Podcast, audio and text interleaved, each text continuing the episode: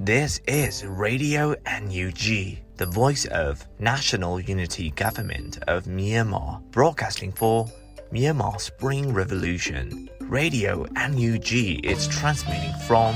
shortwave 16 meter 17.79 megahertz at 8:30 a.m. and 25 meter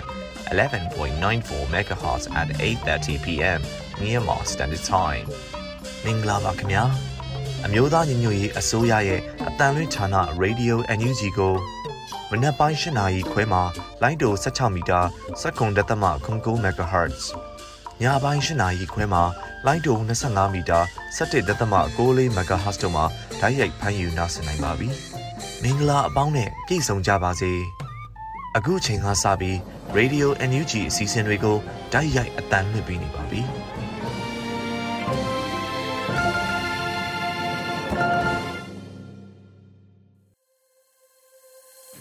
မြန်မာနိုင်ငံသူနိုင်ငံသားပေါင်းတဘာဝဘေးဆရာနာရှင်ဘေးတို့မှကင်းဝေးပြီးကိုစိတ်နှဖျားကျမ်းမာချမ်းသာဘေးကင်းလုံခြုံကြပါစေလို့ရေဒီယို NUG ဖွဲ့သားတွေကဆုတောင်းမေတ္တာပို့သလိုက်ပါတယ်ခင်ဗျာမင်္ဂလာမနက်ခင်းပါခင်ဗျာဒီကနေ့2024ခုနှစ်ဇန်နဝါရီလ31ရက်နေ့ရေဒီယို NUG မနက်ပိုင်းစီစဉ်များကိုစတင်ထုတ်လွှင့်ပေးပါတော့မယ်ပထမဦးစွာစီရေးသတင်းကောက်နှုတ်ချက်ကိုရန်နိုင်ကဖတ်ကြားတင်ပြပေးမှာဖြစ်ပါတယ်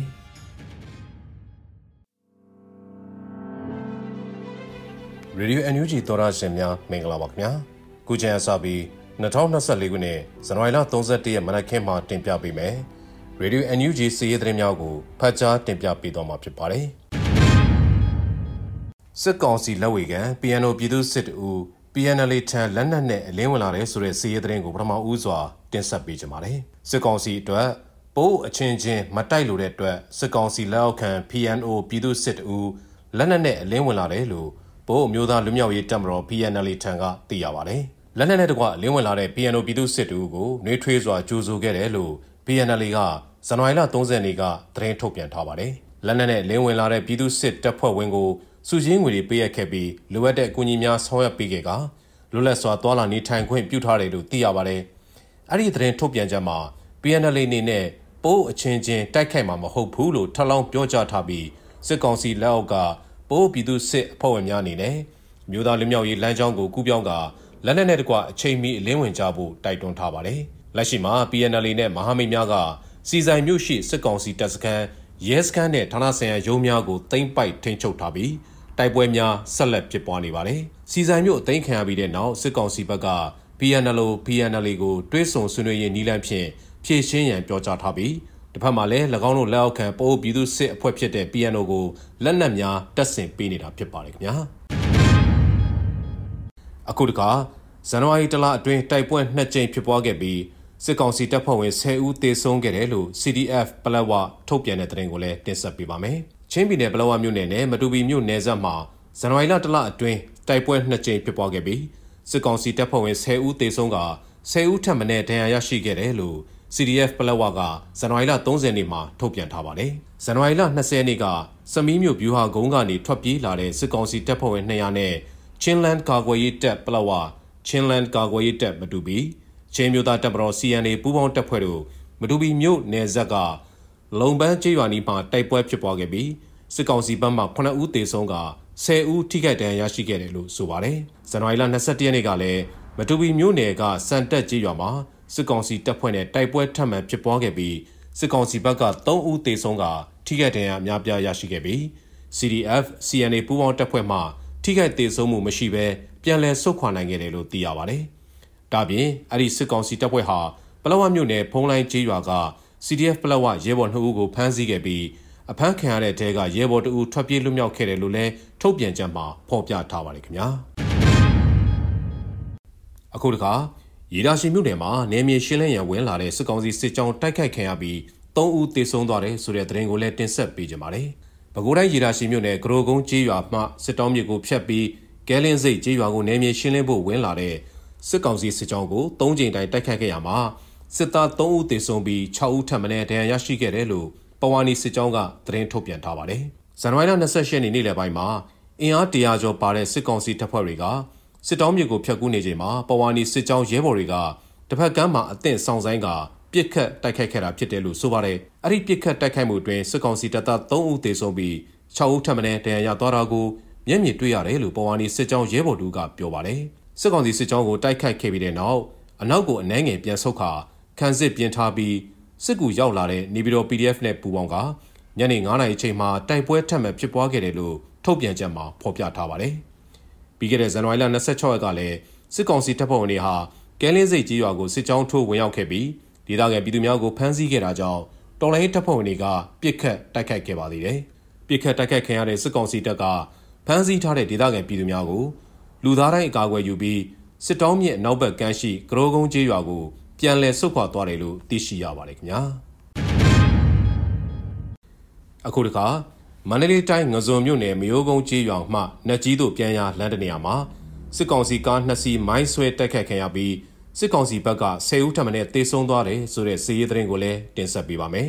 ။ဇန်နဝါရီလ30ရက်မှာစီးရီးသတင်းကိုသခိုင်းခရိုင်အမှတ်၄တပ်ရင်း MSPDF ကအတိပေးဆိုပါတယ်။ဇန်နဝါရီလ25ရက်နေ့ညနေ6နာရီချိန်ကမှ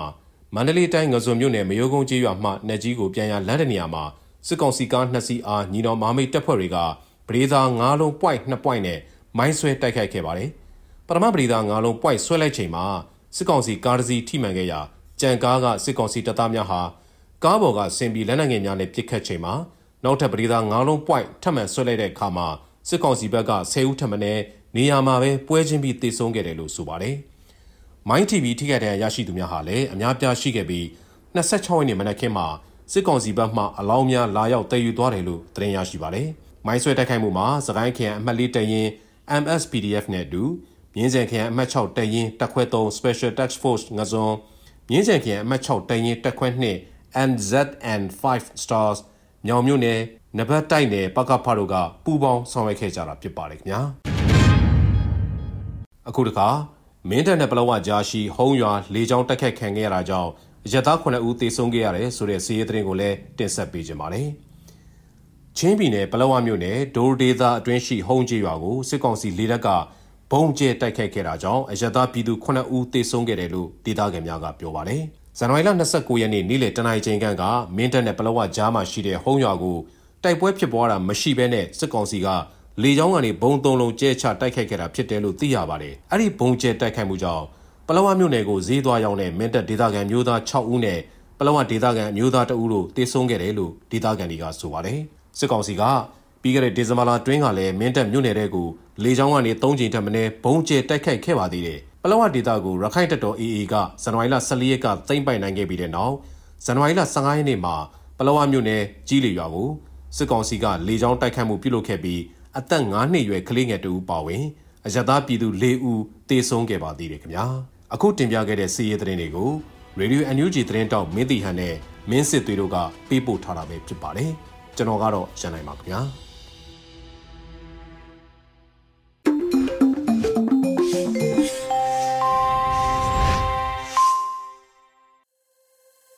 ရေဒီယို NUG သောတာရှင်များခင်ဗျာအခုတခါပြည်တွင်းသတင်းများကိုတော့ຫນွေဦးမိုင်ကတင်ဆက်ပေးမှာဖြစ်ပါတယ်မင်္ဂလာပါသောရရှင်များရှင်အခုချိန်ကစပြီး ဇန်နဝါရီလ31ရက်နေ့မနေ့ခင်းပြည်တွင်းသတင်းများကိုဖတ်ကြားပေးပါတော့မယ်ကျွန်မကတော့ຫນွေဦးမိုင်ဖြစ်ပါတယ်ရှင်အယူဂျီအစိုးရပါဝင်တော်လှန်တိုက်ပွဲဝင်နေကြသောအဖွဲ့များ၏ဘုံသဘောထားယက်တီချက်ထုတ်ပြန်ကြေညာသွားမိတဲ့ရင်ကိုပထမဆုံးတင်ပြပေးချင်ပါတယ်။ NUG အစိုးရပါဝင်တော်လှန်တိုက်ပွဲဝင်နေကြသောအဖွဲ့များ၏ဘုံသဘောထားယက်တီချက်ထုတ်ပြန်ကြေညာသွားမည်ဖြစ်ကြောင်းသိရပါတယ်။ရွေးတော်လှန်ရေး၏ အတိမရီမှန်ချက်ပါနိုင်ဖြစ်သောစစ်အာဏာရှင်စနစ်အလုံးစုံချုပ်ငင်းရေးဖက်ဒရယ်ဒီမိုကရေစီနိုင်ငံတော်တည်တည်ဆောက်ရေးတို့အတွက်အတူတကွလက်တွဲ၍တော်လှန်တိုက်ပွဲဝင်နေကြသောအဖွဲ့များ၏ဘုံသဘောထားယက်တီချက်တရက်ကိုထုတ်ပြန်သွားမှာဖြစ်တယ်လို့ဆိုပါတယ်။ဇန်နဝါရီလ31ရက်ဗုဒ္ဓဟူးနေ့မြန်မာစံတော်ချိန်နဲ့8နာရီတီတီတွင်အမျိုးသားရင်ငွေရေးအစိုးရ NUG အပါအဝင်ထုတ်ပြန်ကြေညာချက်တွင်ပါဝင်သည့်အဖွဲ့အစည်းတည်တည်၏ website Facebook Telegram စသည့် social media platform အသီးသီးတွင်ထုတ်ပြန်ကြေညာသွားမည်ဖြစ်ကြောင်းတင်ရရှိပါရရှင်။ဆက်လက်ပြီးနွေဦးတော်လှန်ရေးမှာပေါ်လာတဲ့တော်လှန်လှုပ်ရှားမှုတွေဟာနိုင်ငံသစ်လူအဖွဲ့အစည်းတင်တဲ့အတွေးခေါ်တစ်ကိုတက်လှမ်းနေကြတာဖြစ်တယ်လို့ယာယီသမရပြောကြားတဲ့သတင်းကိုတင်ပြပါမယ်နွေတော်လိုင်းမှာပေါ်လာတဲ့တော်လိုင်းလှုပ်ရှားမှုတွေဟာနိုင်ငံသစ်လူအဖွဲ့အစည်းတဲ့နဲ့အတွေးခေါ်တစ်ကိုတက်လှမ်းနေကြတာဖြစ်တယ်လို့ဇန်နဝါရီလ30ရက်မှာအမျိုးသားညီညွတ်ရေးအစိုးရ၏ လေးမြင်းဆောင်2024အစိုးရအဖွဲ့အစည်းအဝေးတွင်ယာယီသမရဒူဝါလရှိလာကပြောကြားပါတယ်။ကျွန်တော်တို့နိုင်ငံရဲ့တမိုင်းဆက်ကြောင်းကိုကြည့်ရင်အကဲဆက်တဲ့အတွေးခေါ်တွေဖိနှိပ်မှုနဲ့ခွဲခြားဆက်ဆံခံရမှုများပေါ်မိတည်ပြီးလက်နက်ကင်ပရိပခါကရှင်တွဲလာတဲ့ဆိုတာကိုလည်းတွေ့ခဲ့ရပါတယ်။ဒီတမိုင်းတင်ခန်းစာကိုတရိချက်ပြီးကျွန်တော်တို့အနေနဲ့လက်ရှိပြစ်စုပန်ကာလမှာပို၍ငင်းချမ်းသောလူပောင်အဖွဲ့အစည်းကိုတီထောင်ချဖို့ဖြစ်ပါတယ်။ အခုຫນွေတော်လှန်ရေးမှာပေါ်လာတဲ့တော်လှန်လှုပ်ရှားမှုတွေဟာရခင်ရခင်ကနဲ့မတူတဲ့အသစ်သောလူအဖွဲ့အစည်းကိုတီဆောက်နိုင်ဖို့ဥတီလျှောက်လန်းနေတဲ့ဆိုတာတွေ့ရပါလိမ့်မယ်။နိုင်ငံသစ်လူအဖွဲ့အစည်းတဲ့နဲ့အတွေးခေါ်တက်ကိုတက်လှမ်းနေကြတာဖြစ်ပါတယ်။ဒါကြောင့်ဖက်ဒရယ်ရင်းနဲ့ပတ်သက်ပြီးပုံမကျဲပြန့်စွာလက်တွေ့ကြသောညီညွတ်သောခင်မီသော Federal Model တွေကိုစဉ်းစားလှုပ်ဆောင်ကြဖို့ဖြစ်ပါတယ်လို့ယာယီသမရကဆိုပါတယ်။လက်ရှိနွေဦးတော်လှန်ရေးမှာအတန်တိတ်တပိတ် ပန်းတပိတ်စတဲ့စစ်အာဏာရှင်ဆန့်ကျင်ရေးလူထုတပိတ်လှုပ်ရှားမှုများဟာမြန်မာနိုင်ငံတာမကကဘာကပါအတိမတ်ပြုလက်ခံခဲ့ကြပါတယ်ရှင်။ပြည်ထောင်စုဝန်ကြီးဒေါက်တာဝင်းမြတ်အေးမှဂျပန်နိုင်ငံ Liberal Democratic Party Member of House of Representative ဖြစ်သူ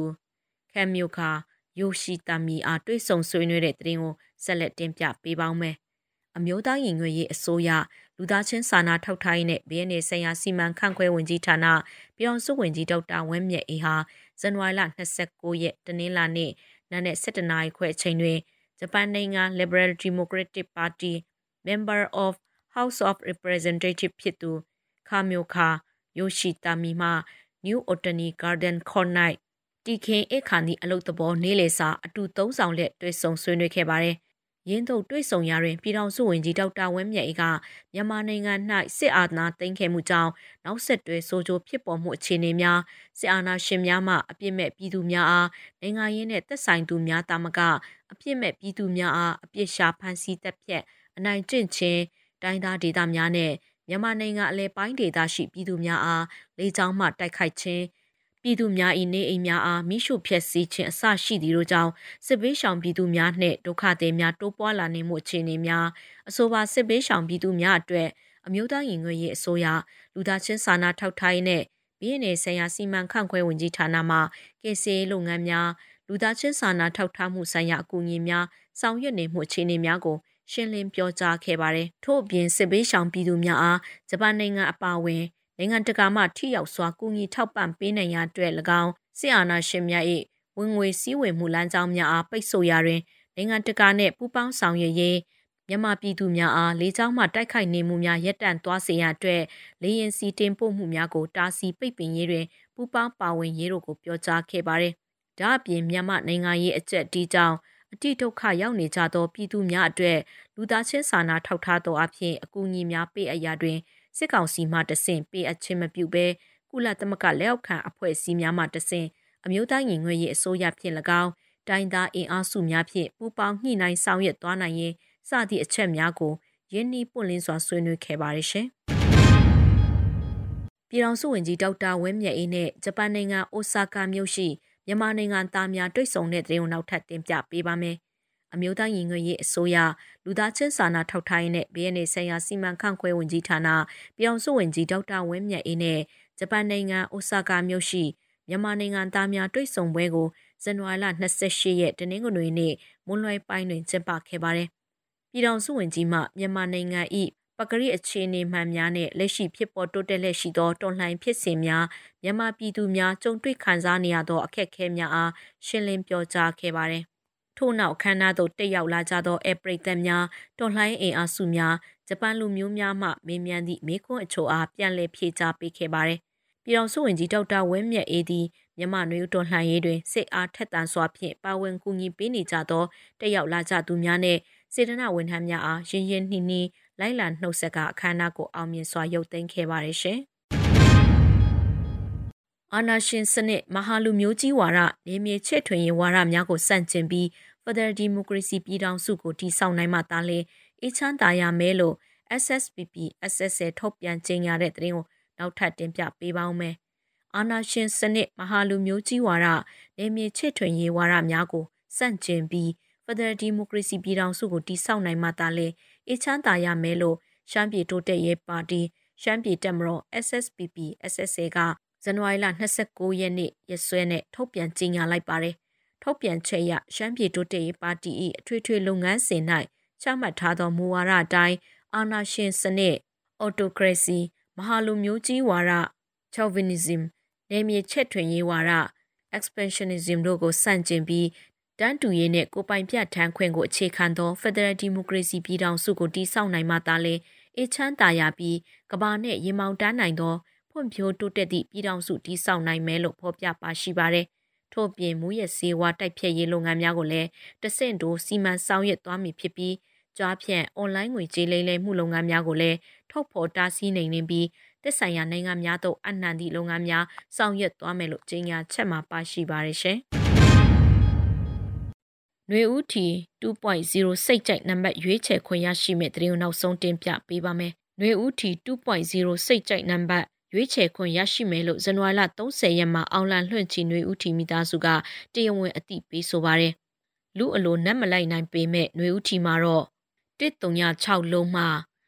296လုံးအကြားရှိထီနံပါတ်10များကိုထိတ်ဆုံး1နဲ့2မှလွဲ၍နောက်နံပါတ်6လုံးကိုမိမိစိတ်ကြိုက်ရွေးချယ်ခွင့်ပေးထားပါတယ်။မိမိရဲ့မိဘ BF GF သားသမီးမွေးတက်ကရစ်လေးနဲ့ကန်ဆန်းချင်နေဆိုကြပါစို့ထိတ်ဆုံးနံပါတ်အတွက်1သို့မဟုတ် 2ကိုရွေးပြီးဥပမာ1333 124 2193 485စသဖြင့်ရွေးချယ်နိုင်ပါတယ်အခြားသောအမှတ်တရနေဆွဲများအပြင်တင်ချာကဝိပညာရှိများလဲစိတ်ကြိုက်တွက်ချက်ကန်စားနိုင်ပါပြီလို့ဆိုပါတယ်။မကြာမီရပ်ပိုင်းအတွင်းမှာမိတ်ဆက်တော့မဲ့ຫນွေဦးထီ2.0ရဲ့အနာဂတ်ကံကောင်းချင်းနံပါတ်များနဲ့အတူကန်ထူးခွင့်ရဖို့ကတော့ Spring Development Bank အကောင့်လေးတွေဖွင့်ထားပြီးငွေဖြည့်ထားဖို့လဲလိုမှာဖြစ်ပါတယ်ရှင်။ အခုတင်ပြခဲ့တဲ့သတင်းတွေကို Radio UNG သတင်းထောက်မင်းတီဟာနဲ့မင်းစစ်သွေးတို့ကပေးပို့ထားတာဖြစ်ပါတယ်ရှင်။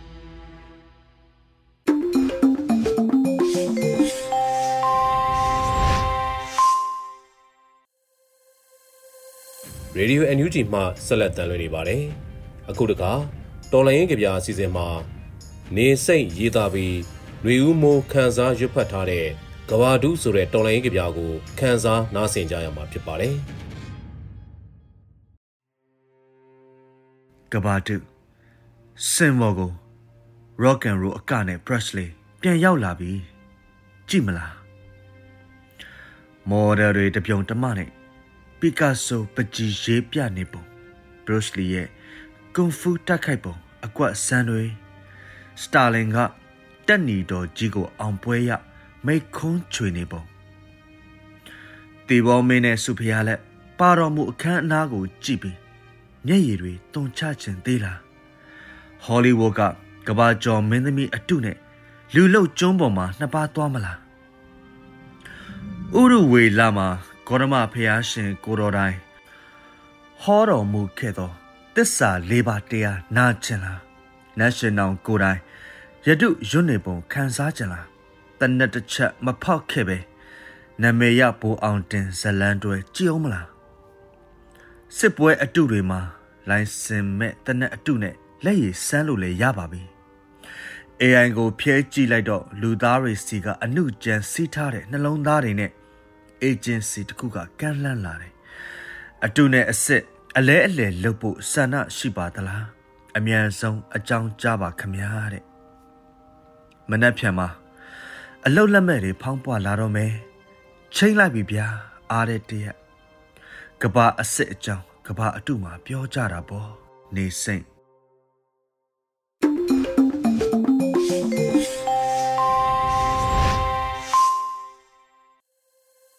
ရေဒီယို NUG သောတာရှင်များခင်ဗျာအခုတခါနေ့စဉ်သတင်းများကိုတော့နေကြီး PPTV ကတင်ဆက်ပေးမှာဖြစ်ပါတယ် ခုချိန်ကစပြီး PPTV သတင်းတွေကိုတင်ဆက်ပေးတော့မှာပါကျွန်မနေကြပါရှင်ပထမဆုံးတင်ဆက်ပေးမယ့်သတင်းကတော့ပြည်ထောင်စုနဲ့လွယ်မှုကြီးကြပ်ရေးဝန်ကြီးဌာနနဲ့မြို့နယ်ပြည်သူ့အုပ်ချုပ်ရေးအဖွဲ့များတွဲဆုံဆွေးနွေးခဲ့တဲ့သတင်းမှာ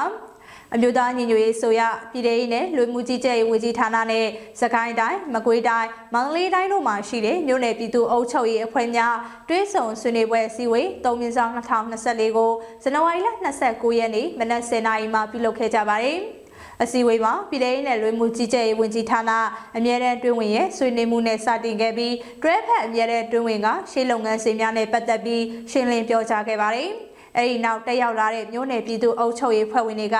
မူဝါဒလမ်းညွှန်ချက်များမြေပြင်အုပ်ချုပ်ရေးဆောင်ရွက်နေမှုများကြုံတွေ့နေရတဲ့အခက်အခဲများကိုမေးမြန်းဆွေးနွေးရာဝန်ကြီးဌာနရဲ့တာဝန်ရှိသူများကပြန်လည်ဖြေကြားခဲ့ပါတယ်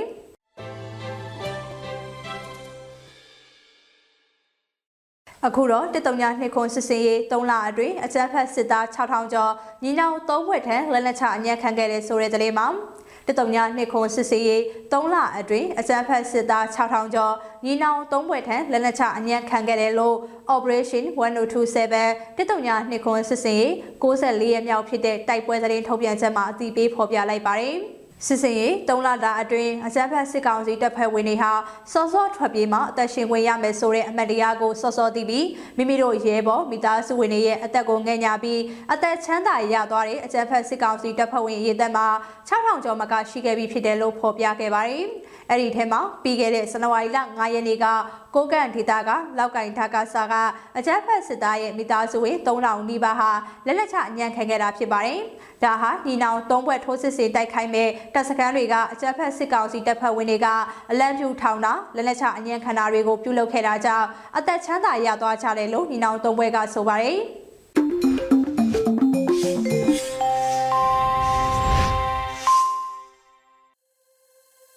ရေဒီယို NUG မှဆက်လက်တန်လွှင့်နေပါတယ်။အခုတခါကရင်ပြည်နယ်မှာရဟတ်ရင်တစင်းပြစ်ချခံရပြီးတမမှုအပါဝင်စစ်အရာရှိတွေတေဆုံးစစ်ကောင်စီကအာဆီယံကိုကိုယ်စားလှယ်ဆေလွတ်ဆိုတဲ့ခေါင်းစဉ်နဲ့မြန်မာနွေဦးခရိုနီကယ်ဇန်နဝါရီလ29မြင်ကွင်းကိုနွေဦးနိုင်ကဖတ်ကြားတင်ပြပေးသွားမှာဖြစ်ပါတယ်ခင်ဗျာ။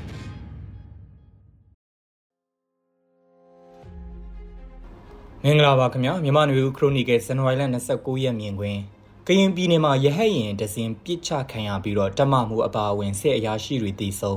စစ်ကောင်စီကအာဆီယံကိုကိုယ်စားလှယ်စီလှော့ဇန်နဝါရီလ29ရက်နေ့မွန်းလွဲပိုင်းမှာကရင်ပြည်နယ်တင်ငန်းညီနောင်ကြီးရွာအနီးကစစ်ကောင်စီရဲ့တပ်ရင်းစခန်းတစ်ခုစီကိုလာပို့တဲ့စစ်တပ်သုံးရဟတ်ရင်တစင်းကို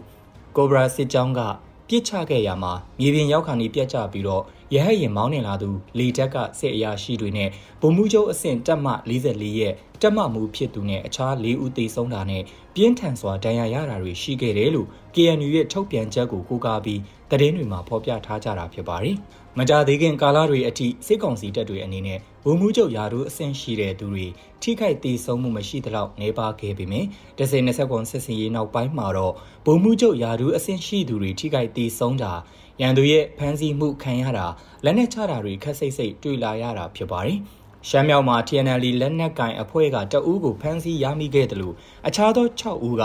လောက်ကင်ဓာကဆဌာနချုပ်ဝိုင်းပိတ်ခံရတဲ့အခြေအနေမှာလက်နက်ချခဲ့ပြီးတော့အခုကရင်ပြည်နယ် မြောက်ရီမြို့နယ်ထဲမှာရဟတ်ရင်နဲ့တက်ရင်စခန်းကိုလာရောက်စင်မှာလက်နက်ကြီးတွေဒရုန်းတွေနဲ့ပစ်ခတ်ခဲ့ပြီးတော့ရဟတ်ရင်ထိမှန်ရမှပြက်ကျသိမ်းဆုံးခဲ့တာတွေဖြစ်ပါတယ်။ရခင်အနေထားမှာတော့ဗိုလ်မှူးချုပ်ဆိုတဲ့ယာဒူးအဆင့်ရှိသူတွေအနေနဲ့အသက်အန္တရာယ်ထိခိုက်နိုင်တဲ့အနေအထားမျိုးမဟုတ်ပေမဲ့အခုလာပိုင်းတွေမှာစခန်းတွေကြဆုံတိမ့်ပိုက်ခံရပြီးတဲ့နောက်ဖမ်းဆီးခံရနိုင်ခြေ စီရေးအရာတနေရာနဲ့တနေရာအကူအပြောင်းမှာထိခိုက်သေးဆုံးနိုင်ခြေတွေရှိနေတာဖြစ်ပါတယ်။စစ်ကောင်စီတပ်ထဲမှာဗိုလ်မှူးချုပ်အဆင့်ရှိသူရာကနန်းနဲ့ချီရှိတယ်လို့မှန်းဆရပြီးတော့ရခင်ကတော့ဒီအဆင့်ရာဒူးမျိုးရောက်ရှိပြီးတဲ့နောက်မှာအသက်အန္တရာယ်ကြားရောက်ဖို့အခွင့်အလမ်းမရှိသလောက်ဖြစ်ပေမဲ့စစ်ကောင်စီတပ်တွေတဖြည်းဖြည်းမလုံခြုံတော့တဲ့အနေအထားမှာဗိုလ်မှူးချုပ်အဆင့်ရှိသူတွေလည်းအသက်ဆုံးရှုံးနိုင်တာအဖမ်းခံရနိုင်တာတွေကိုလက်တလောဖြစ်ရက်တွေကလှည့်ဟပြလိုက်တာဖြစ်ပါတယ်။ KNU ဟာစစ်ကောင်စီတပ်တွေကိုဖိဖိစီစီတိုက်ခိုက်နေတယ်လို့မဆိုနိုင်ပေမဲ့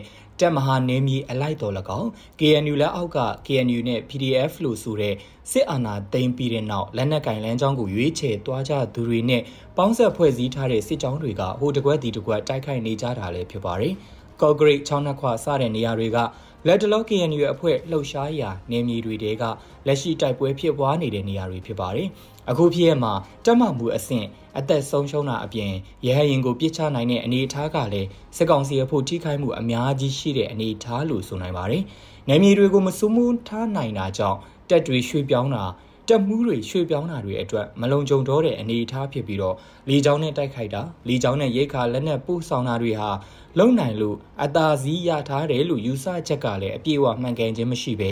နေပြီးတော့စစ်ရုံးနဲ့တိုင်းစစ်ဌာနချုပ်မှာထိုင်တဲ့ဗိုလ်ချုပ်တွေကလွဲလို့ကျန်တဲ့တပ်မှုတွေဘယ်သူမဆိုအန်ဒီရှိနေစေဆိုတာကိုပြသလိုက်တယ်လို့ဖြစ်စီပါတယ်ဒီနေ့အဖို့နောက်အကြောင်းအရာတစ်ခုကတော့လာအိုနိုင်ငံ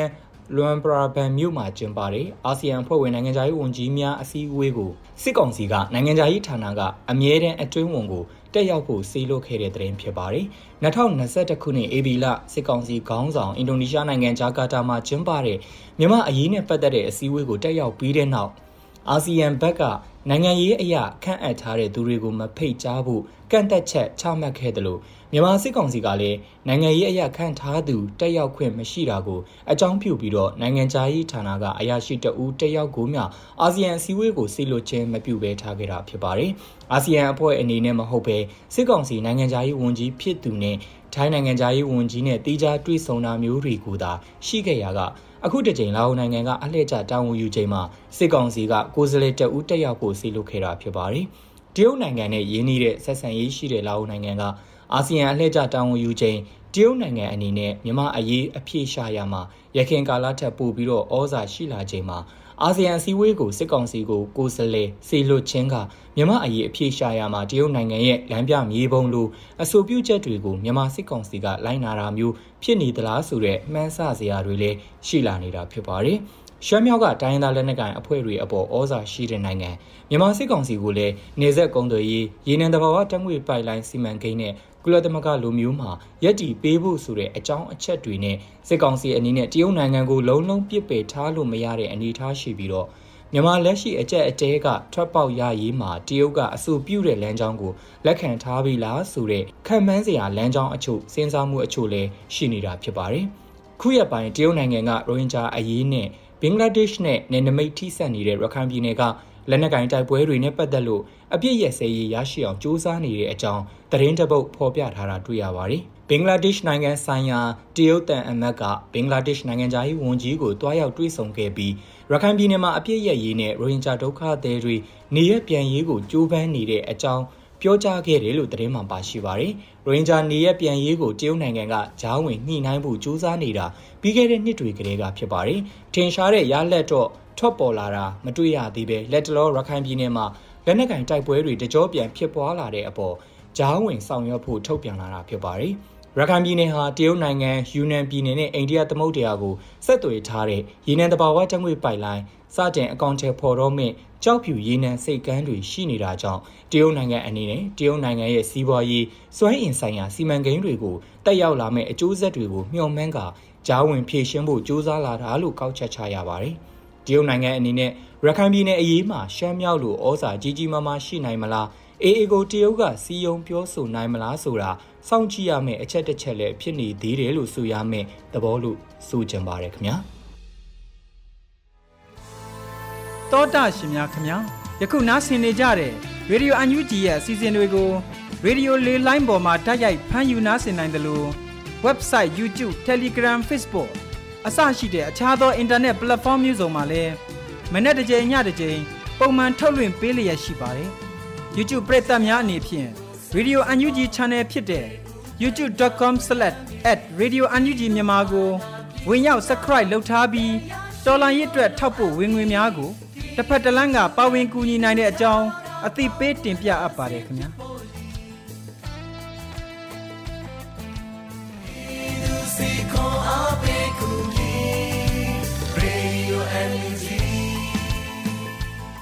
ကနေ့ကတော့ ဒီညနေပဲ Radio NUG ရဲ့အစည်းအဝေးကိုခਿੱတရနာလိုက်ပါမယ်။မြန်မာစံတော်ချိန်မနက်၈နာရီခွဲနဲ့ည၈နာရီခွဲအချိန်တွေမှာပြန်လည်ဆုံးဖြတ်ကြပါစို့။ Radio NUG ကိုမနက်ပိုင်း၈နာရီခွဲမှာလိုင်းဒို16မီတာစက္ကန့်တသမ9 MHz ညပိုင်း၈နာရီခွဲမှာလိုင်းဒို25မီတာ17.6 MHz တို့မှာဓတိုက်ရိုက်ဖန်ယူနားဆင်နိုင်ပါပြီမြန်မာနိုင်ငံသူနိုင်ငံသားများကိုယ်စိတ်နှပြကျန်းမာချမ်းသာလို့ဘေးကင်းလုံခြုံကြပါစေလို့ Radio NUG အဖွဲ့သူအဖွဲ့သားများကဆုတောင်းလိုက်ရပါတယ်။အမျိုးသားညီညွတ်ရေးအစိုးရရဲ့စက်သွေးရေးတရင်အချက်အလက်နဲ့ဤပညာဝန်ကြီးဌာနကထုတ်လွှင့်နေတဲ့ Radio NUG ဖြစ်ပါတယ်။ San Francisco Bay Area အခြေစိုက်မြန်မာမိသားစုများနဲ့နိုင်ငံတကာကစေတနာရှင်များလှုပ်အားပေးများရဲ့ Radio NUG ဖြစ်ပါတယ်။အရေးတော်ပုံအောင်ရမည်